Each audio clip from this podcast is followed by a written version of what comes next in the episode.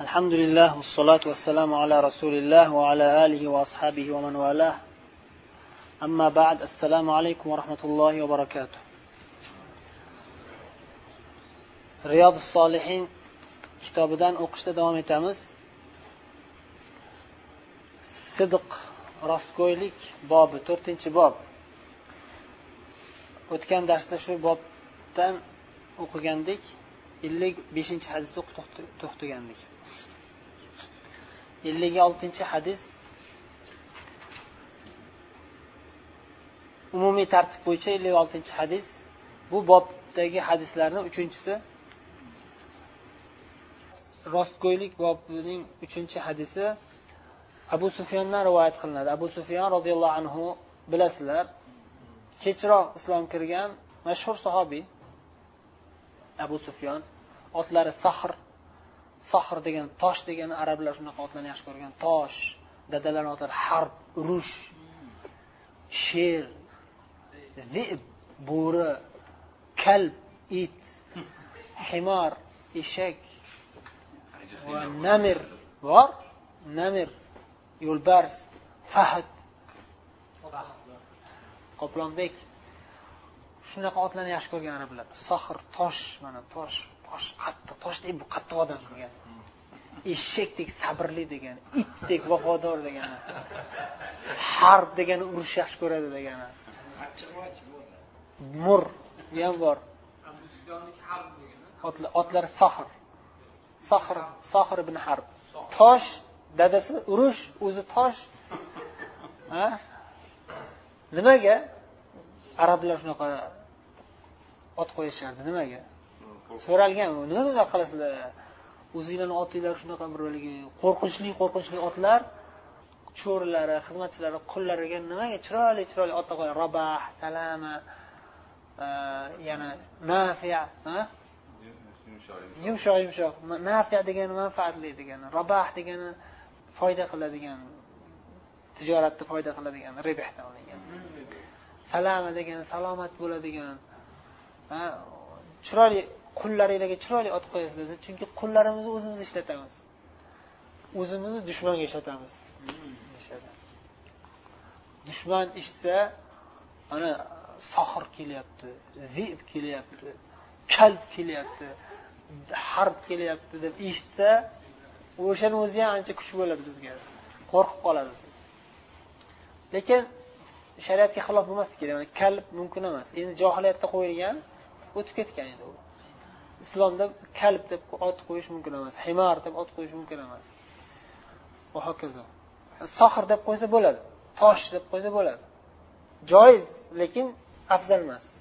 Joizlikka joizlikka joiz. Sohir ibn harb roziyallohu anhu fi hadisi tovil uzun hadislarida ya'ni o'zi abu sufyon rivoyat qilgan hadis uzun hadis ikki varoqmi shunaqa. Lekin bu yerda shuni muxtasar keraklik keraklik nuqtasini qisqartirib keltiryaptilar. Kim qisqartiryapti? Muallif. Kim? Abu sufyon muallif kim? Muallif kim? Riyod solihin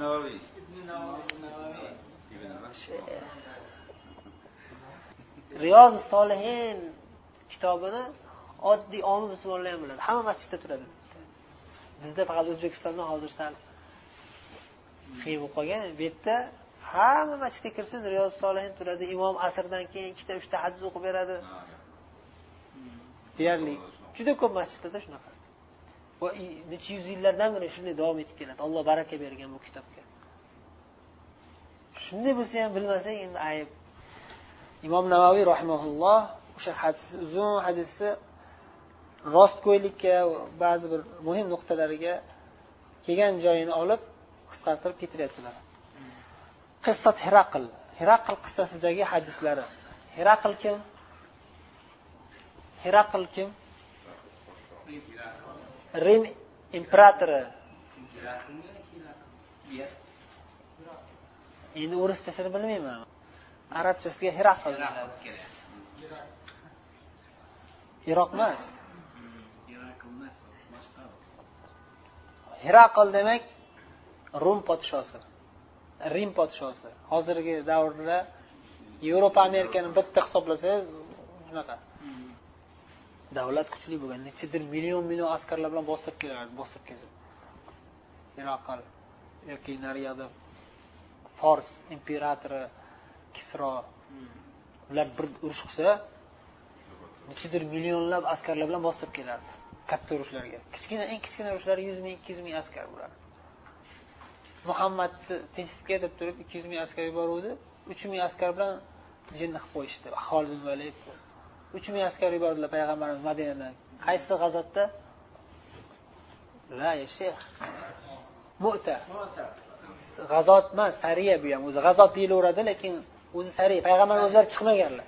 Payg'ambar o'zlari birga chiqqanlarda nima bo'lardi g'azo bo'lardi u tantanaqa bo'lib ketishardi mu'ta sariyasida uch mingta sahobiyga ikki yuz mingta rum askari bas kelolmaganda qiynalishgan.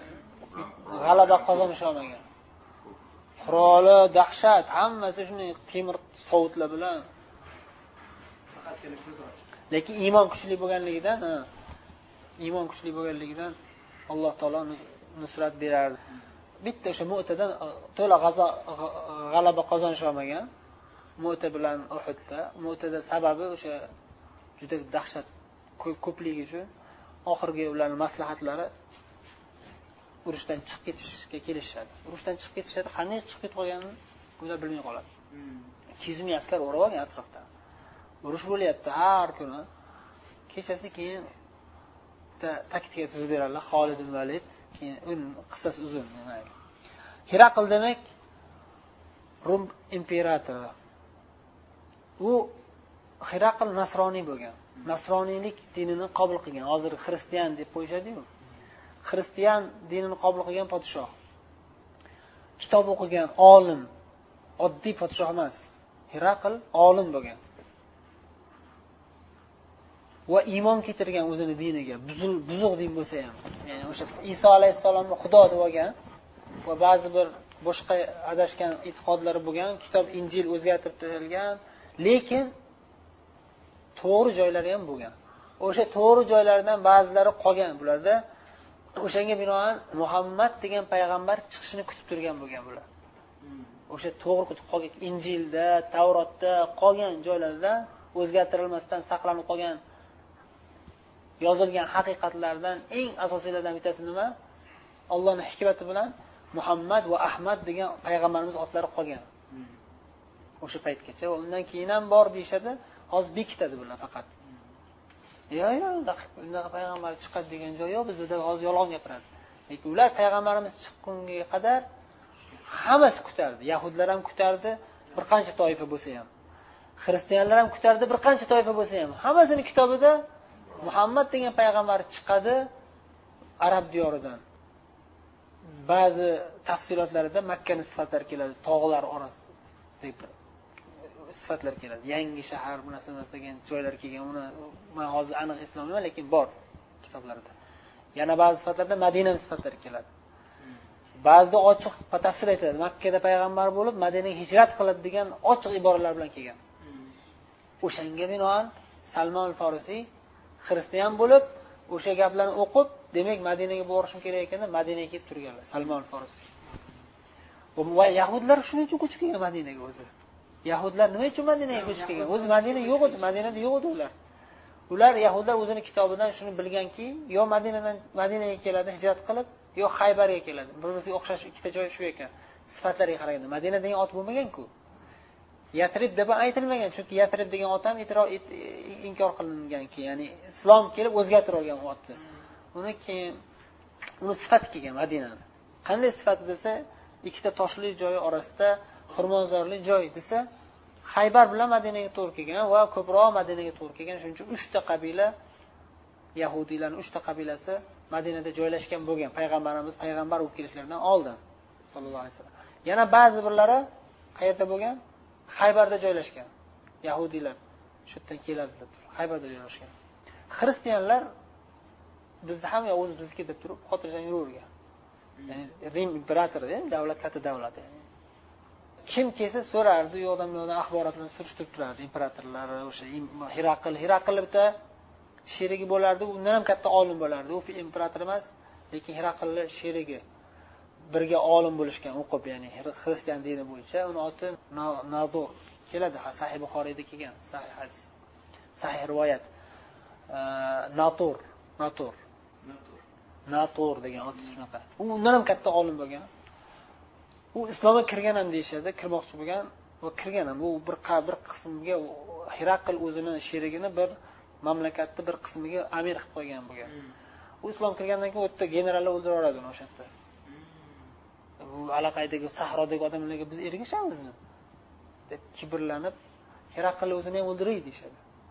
Islom kirmoqchi bo'lganda hiraql yo masalani imtihon qilyapti o'zim deb keyin gapidan qaytadi. O'shandan oldin bo'layotgan voqea bu o'sha hiraql arablardan kim kelsa manga olib kelinglar degan yangi payg'ambar chiqadigandan u xabar kelgan bo'ladi payg'ambar chiqibdi degan. Shunda abu sufyon tijoratga borgan payti bo'lib qoladi o'zini atrofidagilar bilan arablar bilan quraysh qabilasidan bo'lgan bir jamoa bilan tijoratga borib kelishardi bular shom diyoriga doim har yili. Har yili bir marta kamida kamida bir marta o'sha yoqqa borilardi. Shu safar abu sufyon borgan edi. Shunda payg'ambar chiqibdi sizlardan deb turib ular payg'ambar haqiqiy payg'ambarmikin yoki payg'ambar chiqadi degan gapni eshitib turib man payg'ambarman deb turib odamlarni chalg'itish uchun yolg'ondan payg'ambarlikni davo qilyaptimikin uni tekshirish kerak. Bu olim odam biladi buni. Qaysi sifatlar bilan bo'lishini biladi. O'shaning uchun arabdan olib kelinglar desa abu sufyon chiqadi. Abu sufyon. Bu ollohni hikmati bu ham ya'ni abu sufyondan boshqasi bo'lganda ham payg'ambarimizni unchalik tanimasdi. Abu sufyon o'zlarini qarindoshlari va quraysh qabilasini ichida eng katta mashhur payg'ambarimiz bilan qarshi urush qilayotgan hamma sifatlarni biladi. Va yana bir xislati nima? Yolg'on gapirishdan qo'rqadi. Nimadan nimaga qo'rqadi? Birov o'ldirmaydi birov nimaga qo'rqadi? Sharmandalikni o'ylab qo'rqadi. U abu sufyan yolg'on gapirdi degan gap tarqatishni tarqalishini aslo xohlamaydi. Arablarni shunaqangi g'ururi bor. Ko'p katta arablarni qarasangiz hech yolg'on gapirmas edi hech qachon zino qilmas edi hech qachon o'g'irlik qilmas edi. Mardlik bilan turardi saxovatlik qilardi hojilarga yaxshi qarardi. Mashhur arablar shunaqa bo'lgan. O'zini obro'sini saqlashni xohlardi aksariyat. Abu jahlni ham kun bitta yaxshi xislatini aytishdi. Abu jahl ham bironta chaqaloqni bironta qiz bolani o'ldirmagan yoki zo'rlamagan payg'ambarga qarshi deb urush qilishdi. Hozirgi hokimlarga o'xshab. Hmm. Hozirgilar musulmonman degani bilan abu jahldan battar deyishyaptida. Haqiqatda bor gapda. Ya'ni o'sha o'zini obro'sini xudo uchun qilmaydiku hech qachon. Ular obro'sini o'ylab shunaqa abu sufyon bu yerda chaqirildi. Hiraql chaqirdi abu sufyonni. Bir qancha savollarni so'radi. Payg'ambarimiz haqiqiy payg'ambarmi yo'qmi bilmoqchi? O'shanga binoan bir qancha savollarni so'radi. Shu savollarni ichida so'ralgan savollardan biri bimada yamurukum? Bu yangi payg'ambar chiqib sizlarni nimaga buyuryapti? Ya'ni nima uchun? Nimaga buyuryapti? Ko'raylikchi qani? O'sha buyurilayotgan narsasi yaxshi ishlar bo'lsa demak payg'ambar ekan deymiz. Buyurayotgan ishlari inson aqliga to'g'ri kelmaydi. Olloh bizga nima berdi bu aqlni? Yaxshi yomonni ajrata olmaymizda. Faqat hamma yaxshilikni qidirib topolmaymiz lekin kelsa yaxshilik ekan deb tushunamiz. Ha? Aql. O'sha aql bilan bilamiz buni yolg'on yoki rostligini. Yaxshiga buyursa demak rost payg'ambar bo'ladi xudo xohlasa deyaptida o'zi yomon ishga buyursa demak yolg'onchi ekan deb bilamiz abu sufyon javob berib aytdiki ya'ni abu sufyon o'sha e, musulmon bo'lganlaridan keyin abu sufyon bu qissani qachon aytyaptilar? Musulmon bo'lganlaridan keyin. Musulmon bo'lgandan keyin bu payg'ambarimiz vafot qilganlaridan keyin bo'lyapti. Balki vafot qilmaslardan oldin bo'lgandir. Ibn abbosdan rivoyat qilingan. Abu abu, abu sufyondan ibn abbos rivoyat qilganlar. Xullas musulmon bo'lgandan keyin aytib beryaptilar. O'sha payt musulmon bo'lmaganlar nima uchun yolg'on gapirmadingiz? degan savolni kelishini bilib abu sufyon aytganki bu hadis rivoyat qilganda yolg'on gapirsam gapirardim. Gapirmoqchi edim ham hatto. Lekin heraql nima qildi? Heraql meni o'zini oldiga qo'yib olib turib odamlarimni orqaga qo'yib qo'ydi. Ularga qarab turadi ko'zidan biladi yolg'on gapirayotganligini. Bunday ishora bilan bilib oladi yolg'on gapirayotganligini. Shuning uchun yolg'on gapirgani bilinib qoladi. Birinchi jihati ikkinchi jihati sharmanda bo'lish o'ylab nimaga buyurardi yoki nimaga buyuryapti muhammad sizlarni deb so'raganda abu sufyan javob berdiki la tushriku bihi shay'a. Eng asosiy poydevor. Shu bo'lmasa hech qanday narsa foyda bermaydi. Har qancha axloqi yaxshi odam rostgo'y mana abu jahl yoki boshqa abu abu, abu sufyon yolg'on gapirmas edi yaxshi axloqlari yaxshi sifatlari ham bor edi deyapmiz. Lekin bir tiyin foydasi bo'lmaydi oxiratda. Chunki allohga ibodat qilmagan yolg'iz allohga ibodat qilmagan. Shirk keltirgan. Ey xudo deb turib orqasidan ya hubal deb turardi. Yoki ya uzza deb turardi. Yoki qo'y so'yardi uzzoga hokazo. Bu shirk akbar. Yolg'iz ollohni o'zigagina sig'ininglar va u zotga hech narsani sherik keltirmanglar. Biza buni ko'p takrorlaymiz lekin asosiy joyini tushunamizu lekin ba'zi bir nozik joylarni e'tibor bermaymiz. O'shanga ko'p ta'kidlashimiz kerak o'zimizga ham. Tavhid tavhid deyaveramiz deb ba'zilar ba'zi bir adashgan harakatlar tavhidga e'tibor bermaydi. Shu sohada qattiq adashgan ya'ni biz ularni otini aytmasak ham ko'pchilik biladi ular tavhidga e'tibor bermaydi aqidaga sog'lom qilishga. Ba'zilar e'tibor beramiz deb davo qiladi ba'zi bir ularni hayotiga qarasangiz juda ko'p o'rinlarda shirkka o'xshagan amallarni qilib qo'yadi riyo qiladi. Juda ko'p o'rinlarda e, masalan dunyoga berilib kimlardandir podshohlardan yoki boylardan pul tilab yuradi. Tavhidga zarar qiladi bu. Pul masalasida ko'pchilik o'zini tavhidini ketkazib qo'yadi. tavhidini yo'qotib qo'yadi ehtiyot bo'lish kerak alloh taolo gunohlarimizni kechirsin sahobiylar aytishardi payg'ambarimizga bayat berganimizda shu narsaga bayat berardikki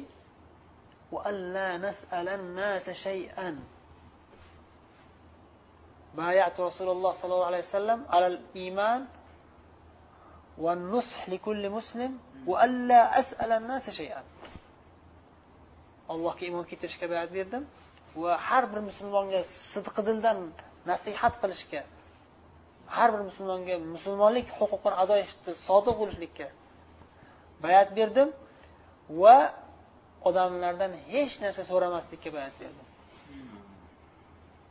Va shu darajada amal qilishardiki sahobiy ikromlar tuyada tursa qo'lidan qamchini tushib ketib qolsa yonida bir kishi turgan bo'lsa shuni olib bersa bo'ladi. Hech qanday bir qiyinchiligi yo'q. Lekin o'sha odamga olib bering demasdan tuyadan o'zi ovora bo'lib tushib o'zi yerdan olardi olishardi. Sahobiylar shu darajada amal qilishardi. Nimaga? Tavhidni mukammal qilish uchun.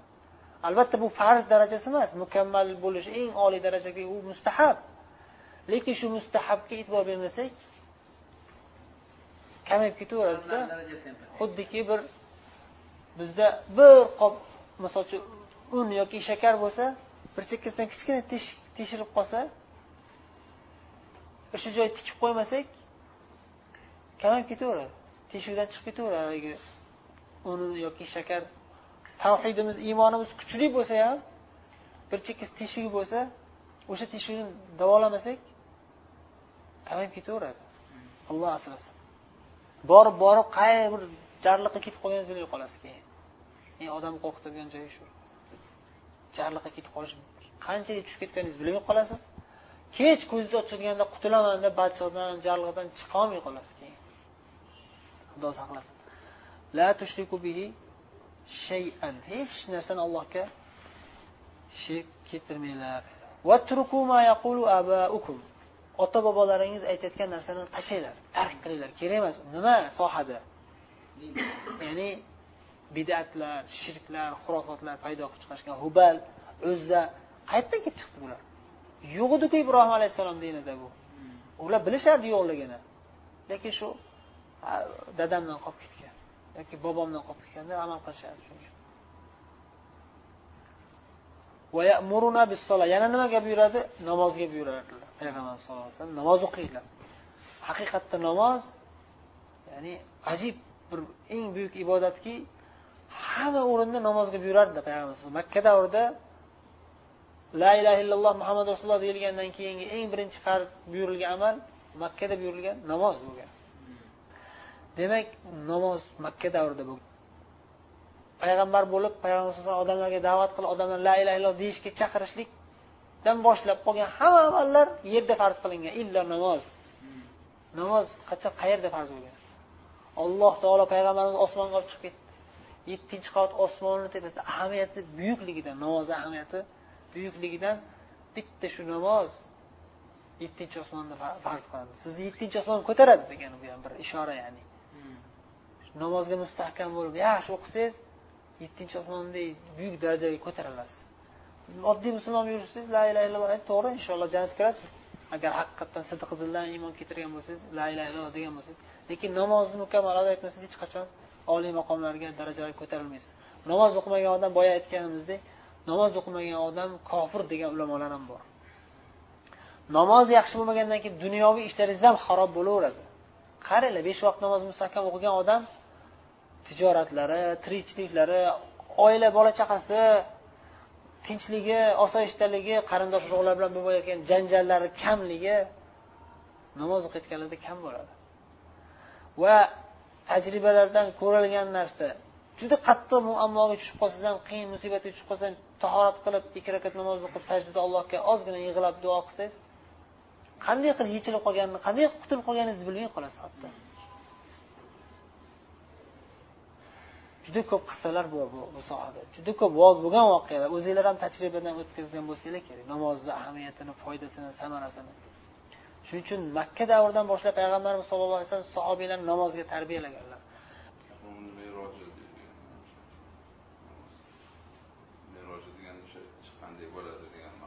ya'ni biz ishora olyapmiz yani ma'no o'shandan. Yani shu maqomlarga ko'taradi inshaalloh namoz. Bu aniq yani namoz juda oliy maqomlarga ko'taradi.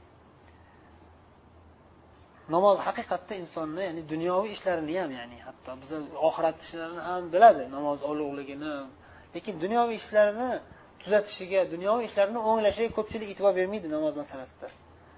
Tijoratlari chigal bo'lsa shu tijoratlarni ichida qolib yotaveradi chigal ichida chiqolmasdan birodar ikki rakat namoz o'qisang toat qilib o'zing bilmay qolasan qanday tuzalib ketganini desangiz to'g'ri to'g'ri deydi lekin amaliga kelganda dangasalik qiladi yana ko'pchilik. O'zimizda ham shu narsa kuzatiladi.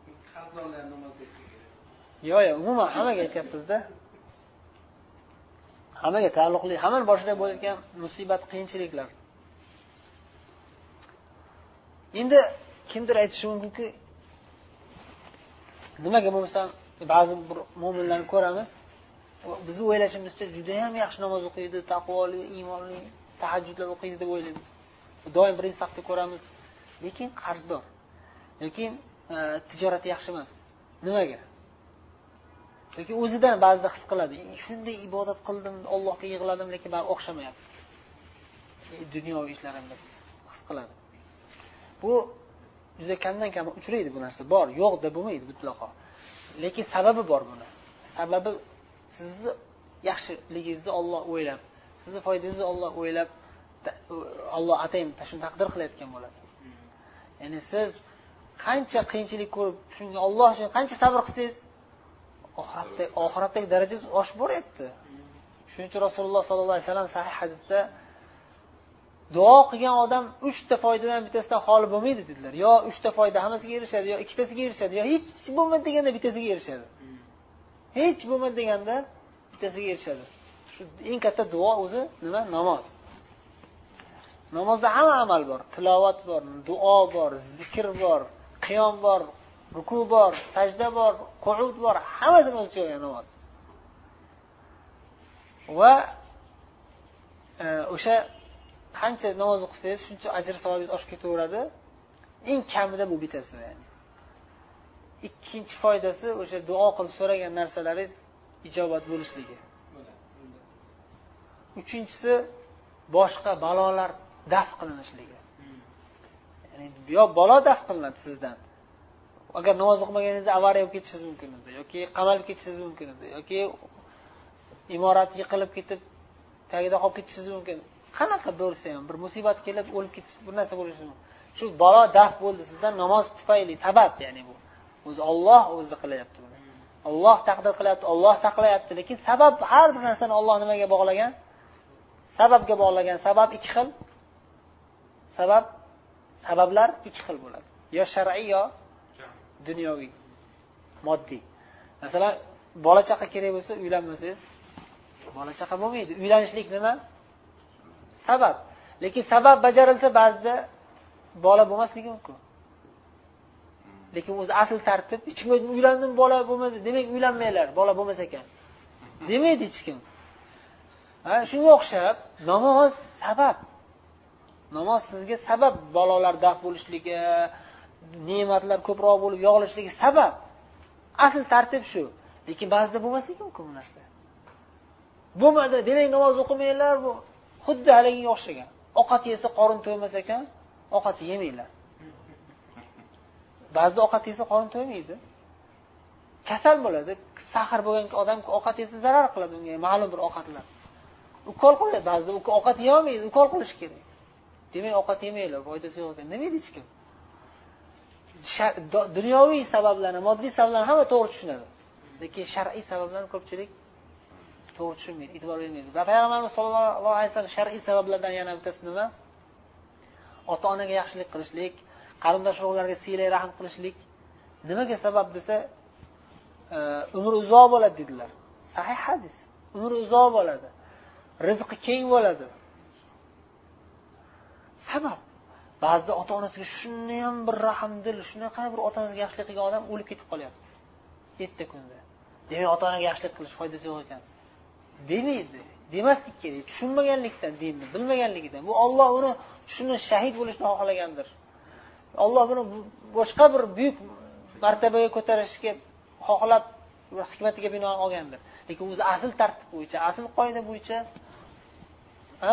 nima bo'ladi? Uzoq umr ko'radi aslida. Asl tartib bo'yicha uzoq umr ko'radi boy bo'ladi. Asl qoida shu. Ya'ni biz bir narsaga tayyor turishimiz kerak. Shuning uchun aytamizki kambag'allikka tayyor turishimiz kerak. Bu payg'ambarimiz sollallohu alayhi vasallam aytdilarki sizlar kambag'allikdan qo'rqmayman dedilar. Kambag'al bo'lsanglar zarar qilmaydi uncha. Chunki kambag'al bo'lganingdan keyin o'zi tabiiy ollohga yolvorasizlar. Hamma kambag'allar o'zi aslida ey xudo deb turadi. Sizlarga dunyo ochilib ketishidan qo'rqaman dunyo ochilib ketsa ibodat chekkada qolib ketib qoldi har xil narsalar. Ya'ni bu jihatini ham esdan chiqarmaslik kerak. Boylik xavf xatar bir kun bir qissa keltiriladi bu qissani ma'nosi sahiy o'zi sahihmi bilmayman. Muso alayhissalomga bir odam kelib rosa bir kambag'al nochor holda kelib duo qiling ey muso ey payg'ambar men boyib ketay boyib ketsam sadaqalar beraman xayr ehsonlar qilaman dedi. Bir kambag'al kelib. Keyin ey olloh shu bandangni boyitgin dedilar. Boyib ketdi haligi odam oradan ko'p vaqt o'tmasdan. Boyib ketuvdi muso alayhissalom esdan chiqarib qo'ydi. Dunyoga berilib ketdi. Ey nima deganding san yo'q unaqa demagan yo'qotib dindan chiqib ketib qoldi. Keyin boshiga bir balo keldi. Adashmasam shunday bo'lgan qissa ya'ni tavba qilib qoldi yana. Kambag'al bo'lib qoldi yana tavba qildi. Keyin muso alayhissalom hayron bo'ldi. Keyin alloh taolo vahiy qildiki ey muso inna min ibadi man law afqartuhu man law aghnaytuhu la afsadahu al-ghina va inna min ibadi man law afqartuhu la afsadahu al-faqr ya'ni ba'zi odamlar shunday ba'zi odam ya'ni mani bandalarimdan shunday bandalar borki la yasluhu lahu illa al-faqr unga faqat kambag'allik to'g'ri keladi boyib ketsa buzilib ketadi yana ba'zi bandalarimga boylik to'g'ri keladi kambag'al bo'lsa buzilib ketadi boyib tursa saxovatlikni yaxshi ko'radi. Kambag'allarni boqib turadi yetimlarni boqib turadi masjidlar qurib madrasa. Boy ba'zi boy kambag'al bo'lib qolsa deb o'zini yo'qotib qo'yadi. Buni olloh biladi. Biz bilmaymiz. Shuning uchun biz nima qilishimiz kerak? Tavakkul. Allohga topshiramiz. Olloh ey olloh bizga nimani dinimiz uchun nimani yaxshi deb bilsang ey olloh o'zing xohlaganingdek taqdir qilgin lekin duo qilganda masalan bir yaxshilik so'raganda bir bu jihatiga e'tibor berish kerak. Inshaalloh degan gap yaxshilik duo qilganda aytilmaydi. Bir ish qilaman desangiz ertaga yoki indinga o'zingiz dunyoviy ishlaringizda yoki birodarlar bilan gaplashganingizda inshaalloh deysiz kelajak ishlarga. Lekin duo qilgan ey olloh mana inshaalloh agar o'zing xohlasang boyitgin demaysiz. Ey olloh yaxshilik bilan boyitgin deb duo qilinaveradi inshaalloh deb aytilmaydi duo qilganda. Ey olloh agar xohlasang menga boylik ber. Ey olloh agar xohlasang menga. Xohlamasang kerak emas deganday bo'lib qoladi u. Kibrga kirib qoladi. Ba'zilar u maqsadda aytmaydi lekin tushunmaganligidan shunday qiladi. Duo qilsanglar ey azimu dedilar payg'ambar sallallohu alayhi vasallam duo qilganda qat'iy so'ranglar. Ey xudo bergin deb so'ranglar. Xohlasang bergin deb o'tirgan alloh taoloni hech kim majbur qilolmaydiku o'zi. Xohlasang bergin man seni majbur qilmayman xudo. Deganday bo'lib qoladi bu ya'ni. Hadisda shunaqa deydilar shu ma'noda aytdilar ya'ni ayni shu lafz emas. Duo qilganda qat'iy so'raverasiz. Lekin bermasa olloh sizni yaxshiligingizni sog'lab bermayotgan bermoqchi lekin sizga hozir to'g'ri kelmaydi. Keyinroq to'g'ri keladi. Yoki jannatda yaxshirog'i yoki sizdan bir baloni daf qilyapti va hokazo. Va sidq ya'ni payg'ambarimiz sallallohu alayhi vasallam nimaga buyurardilar odamlarni? To'g'ri sodiq bo'linglar rostgo'y bo'linglar. Rostgo'ylik bobida shu hadis keltirilyapti. Demak rostgo'ylik ahamiyati juda ham buyuk. Rostgo'ylik siz inson musulmon bo'la olmaydi o'zi. Ya'ni musulmonmisiz? O'zizga xitob qiling. Man haqiqatdan musulmonmanmi? Rostdan musulmonmanmi deb so'rasangiz siz bilasiz. Rostgo'ylikni ahamiyatini o'ziz bilib olasiz. Rostdan musulmon bo'lgan odam jannatga kiradi. Yolg'ondan musulmon bo'lsa la ilaha illalloh muhammad tahajjud o'qiydimi jamoatni birinchi safda bo'ladimi yolg'ondan musulmon bo'lsa do'zaxni eng chuqurida bo'ladi. Xudo saqlasin. Innal munafiqina fi darkil asfali minan nar deydi alloh taolo. Munofiqlar do'zaxi eng chuqurida bo'ladi. Ya'ni kofir abu jahldan tagida bo'ladi. Ulardan battar azob chekadi. Nimaga? Yolg'on. Yolg'on. Balo. Yolg'on gapirishlik yolg'onchilik ollohni aldamoqchimi bu ahmoq? Ollohni aldamoqchi bo'ladi olloh bilan o'zi aldayapti. Bizaga nima buyurilgan? Bir kishi man musulmonman desa yolg'ondan gapirayotgan bo'lishi mumkin demaymiz biz. Ha musulmon ekan deb muomala qilamiz. Bizga shu buyurilgan shu bilan u musulmon huquqini oladi musulmonlik huquqi beriladi. Kasal bo'lsa ziyorat qilamiz o'lsa janozasini o'qiymiz kambag'al bo'lsa yordam beramiz qo'limizdan kelsa. Birodar deb yaxshi muomala qilamiz lekin qalbini bilmaymiz. Olloh bilib turadi ollohni aldamaydi hech kim. Oxiratda. Bu dunyoda man musulmon bo'ldim hamma musulmon deb o'ylayaptiman hamma yaxshi qarayapti manga deb turib aldanib yuraveradi. Hamma yaxshi muomala qilsa ya'ni musulmon ekan olloh ham ya'ni musulmon deb o'ylayapti shekilli deb o'ylaydi olloh bilib turibdi qalbini? Demak rostgo'ylik eng zarur sifatlardan. Haqiqiy musulmon odam rostgo'y musulmon bo'lgan odam buni ahamiyatini biladi shunga amal qiladi. Val afaf iffatli bo'lish degani ya'ni bu ikkita maydonda ochiq oydin ko'rinadi va boshqa maydonlarda ham iffatli bo'lish. Birinchisi axloqi e, iffatli bo'lishlik. Yomon so'zlarni gapirmaslik yomon ishlarni qilmaslik fahsh ishlarni qilmaslik fahsh so'zlarni gapirmaslik. Va ikkinchisi iffatli bo'lish qalb kuchli bo'lishligi birovga yalinmaslik ya'ni boyagi hadisga qaytadi bu ham hech narsani so'ramaslikka buyurdim iffat kuchliligida alloh taolo baqara surasida jahilu taaffuf dedi. La yasaluna nasa ilhafa mana shu afaf ya'ni sifat. Shunday faqir shunday kambag'al odamlarga sadaqa berishga da'vat qildiki bilmagan odam jahl degani bilmagan odam. Bilmagan odam boy odam deb o'ylaydi. Ha bu kishi boy bo'lsa kerak deydi. Nimaga? Hech kimdan narsa so'ramaydiku. Odamlardan hech narsa so'rashmaydi. Ya'ni hech narsa so'ramagandan keyin nima deb o'ylaysiz? Boy deb o'ylaysiz. Lekin uni kim biladi? Uni zakiy odam biladi. Zakovatli odam biladi uni. Iymoni qalbi toza va zakiy bo'lishi kerak. Ya'ni yaxshilikni qalbidan yaxshilikni xohlab aqlini ishlatgan zakiy odam kim kambag'al topib oladi? U man kambag'alman deb kelganlar hammasi ham ba'zilari to'g'ri hammasi ham kambag'al bo'lavermaydi va ehtiyot bo'lish kerak ba'zi. Ayniqsa hozir ko'chalarda yurgan tilamchilar tirikchilik qilmasdan kelib turib tilamchilik qiladi. Tilanchilik qiladi xudo saqlasin. Vassila sila silay rahmlik. Payg'ambarimiz nimaga buyurardilar hatto makka davridan boshlab silay rahmga buyurardilar. Abu abu sufyon aytyaptilar. Muttafaqun alayh hadis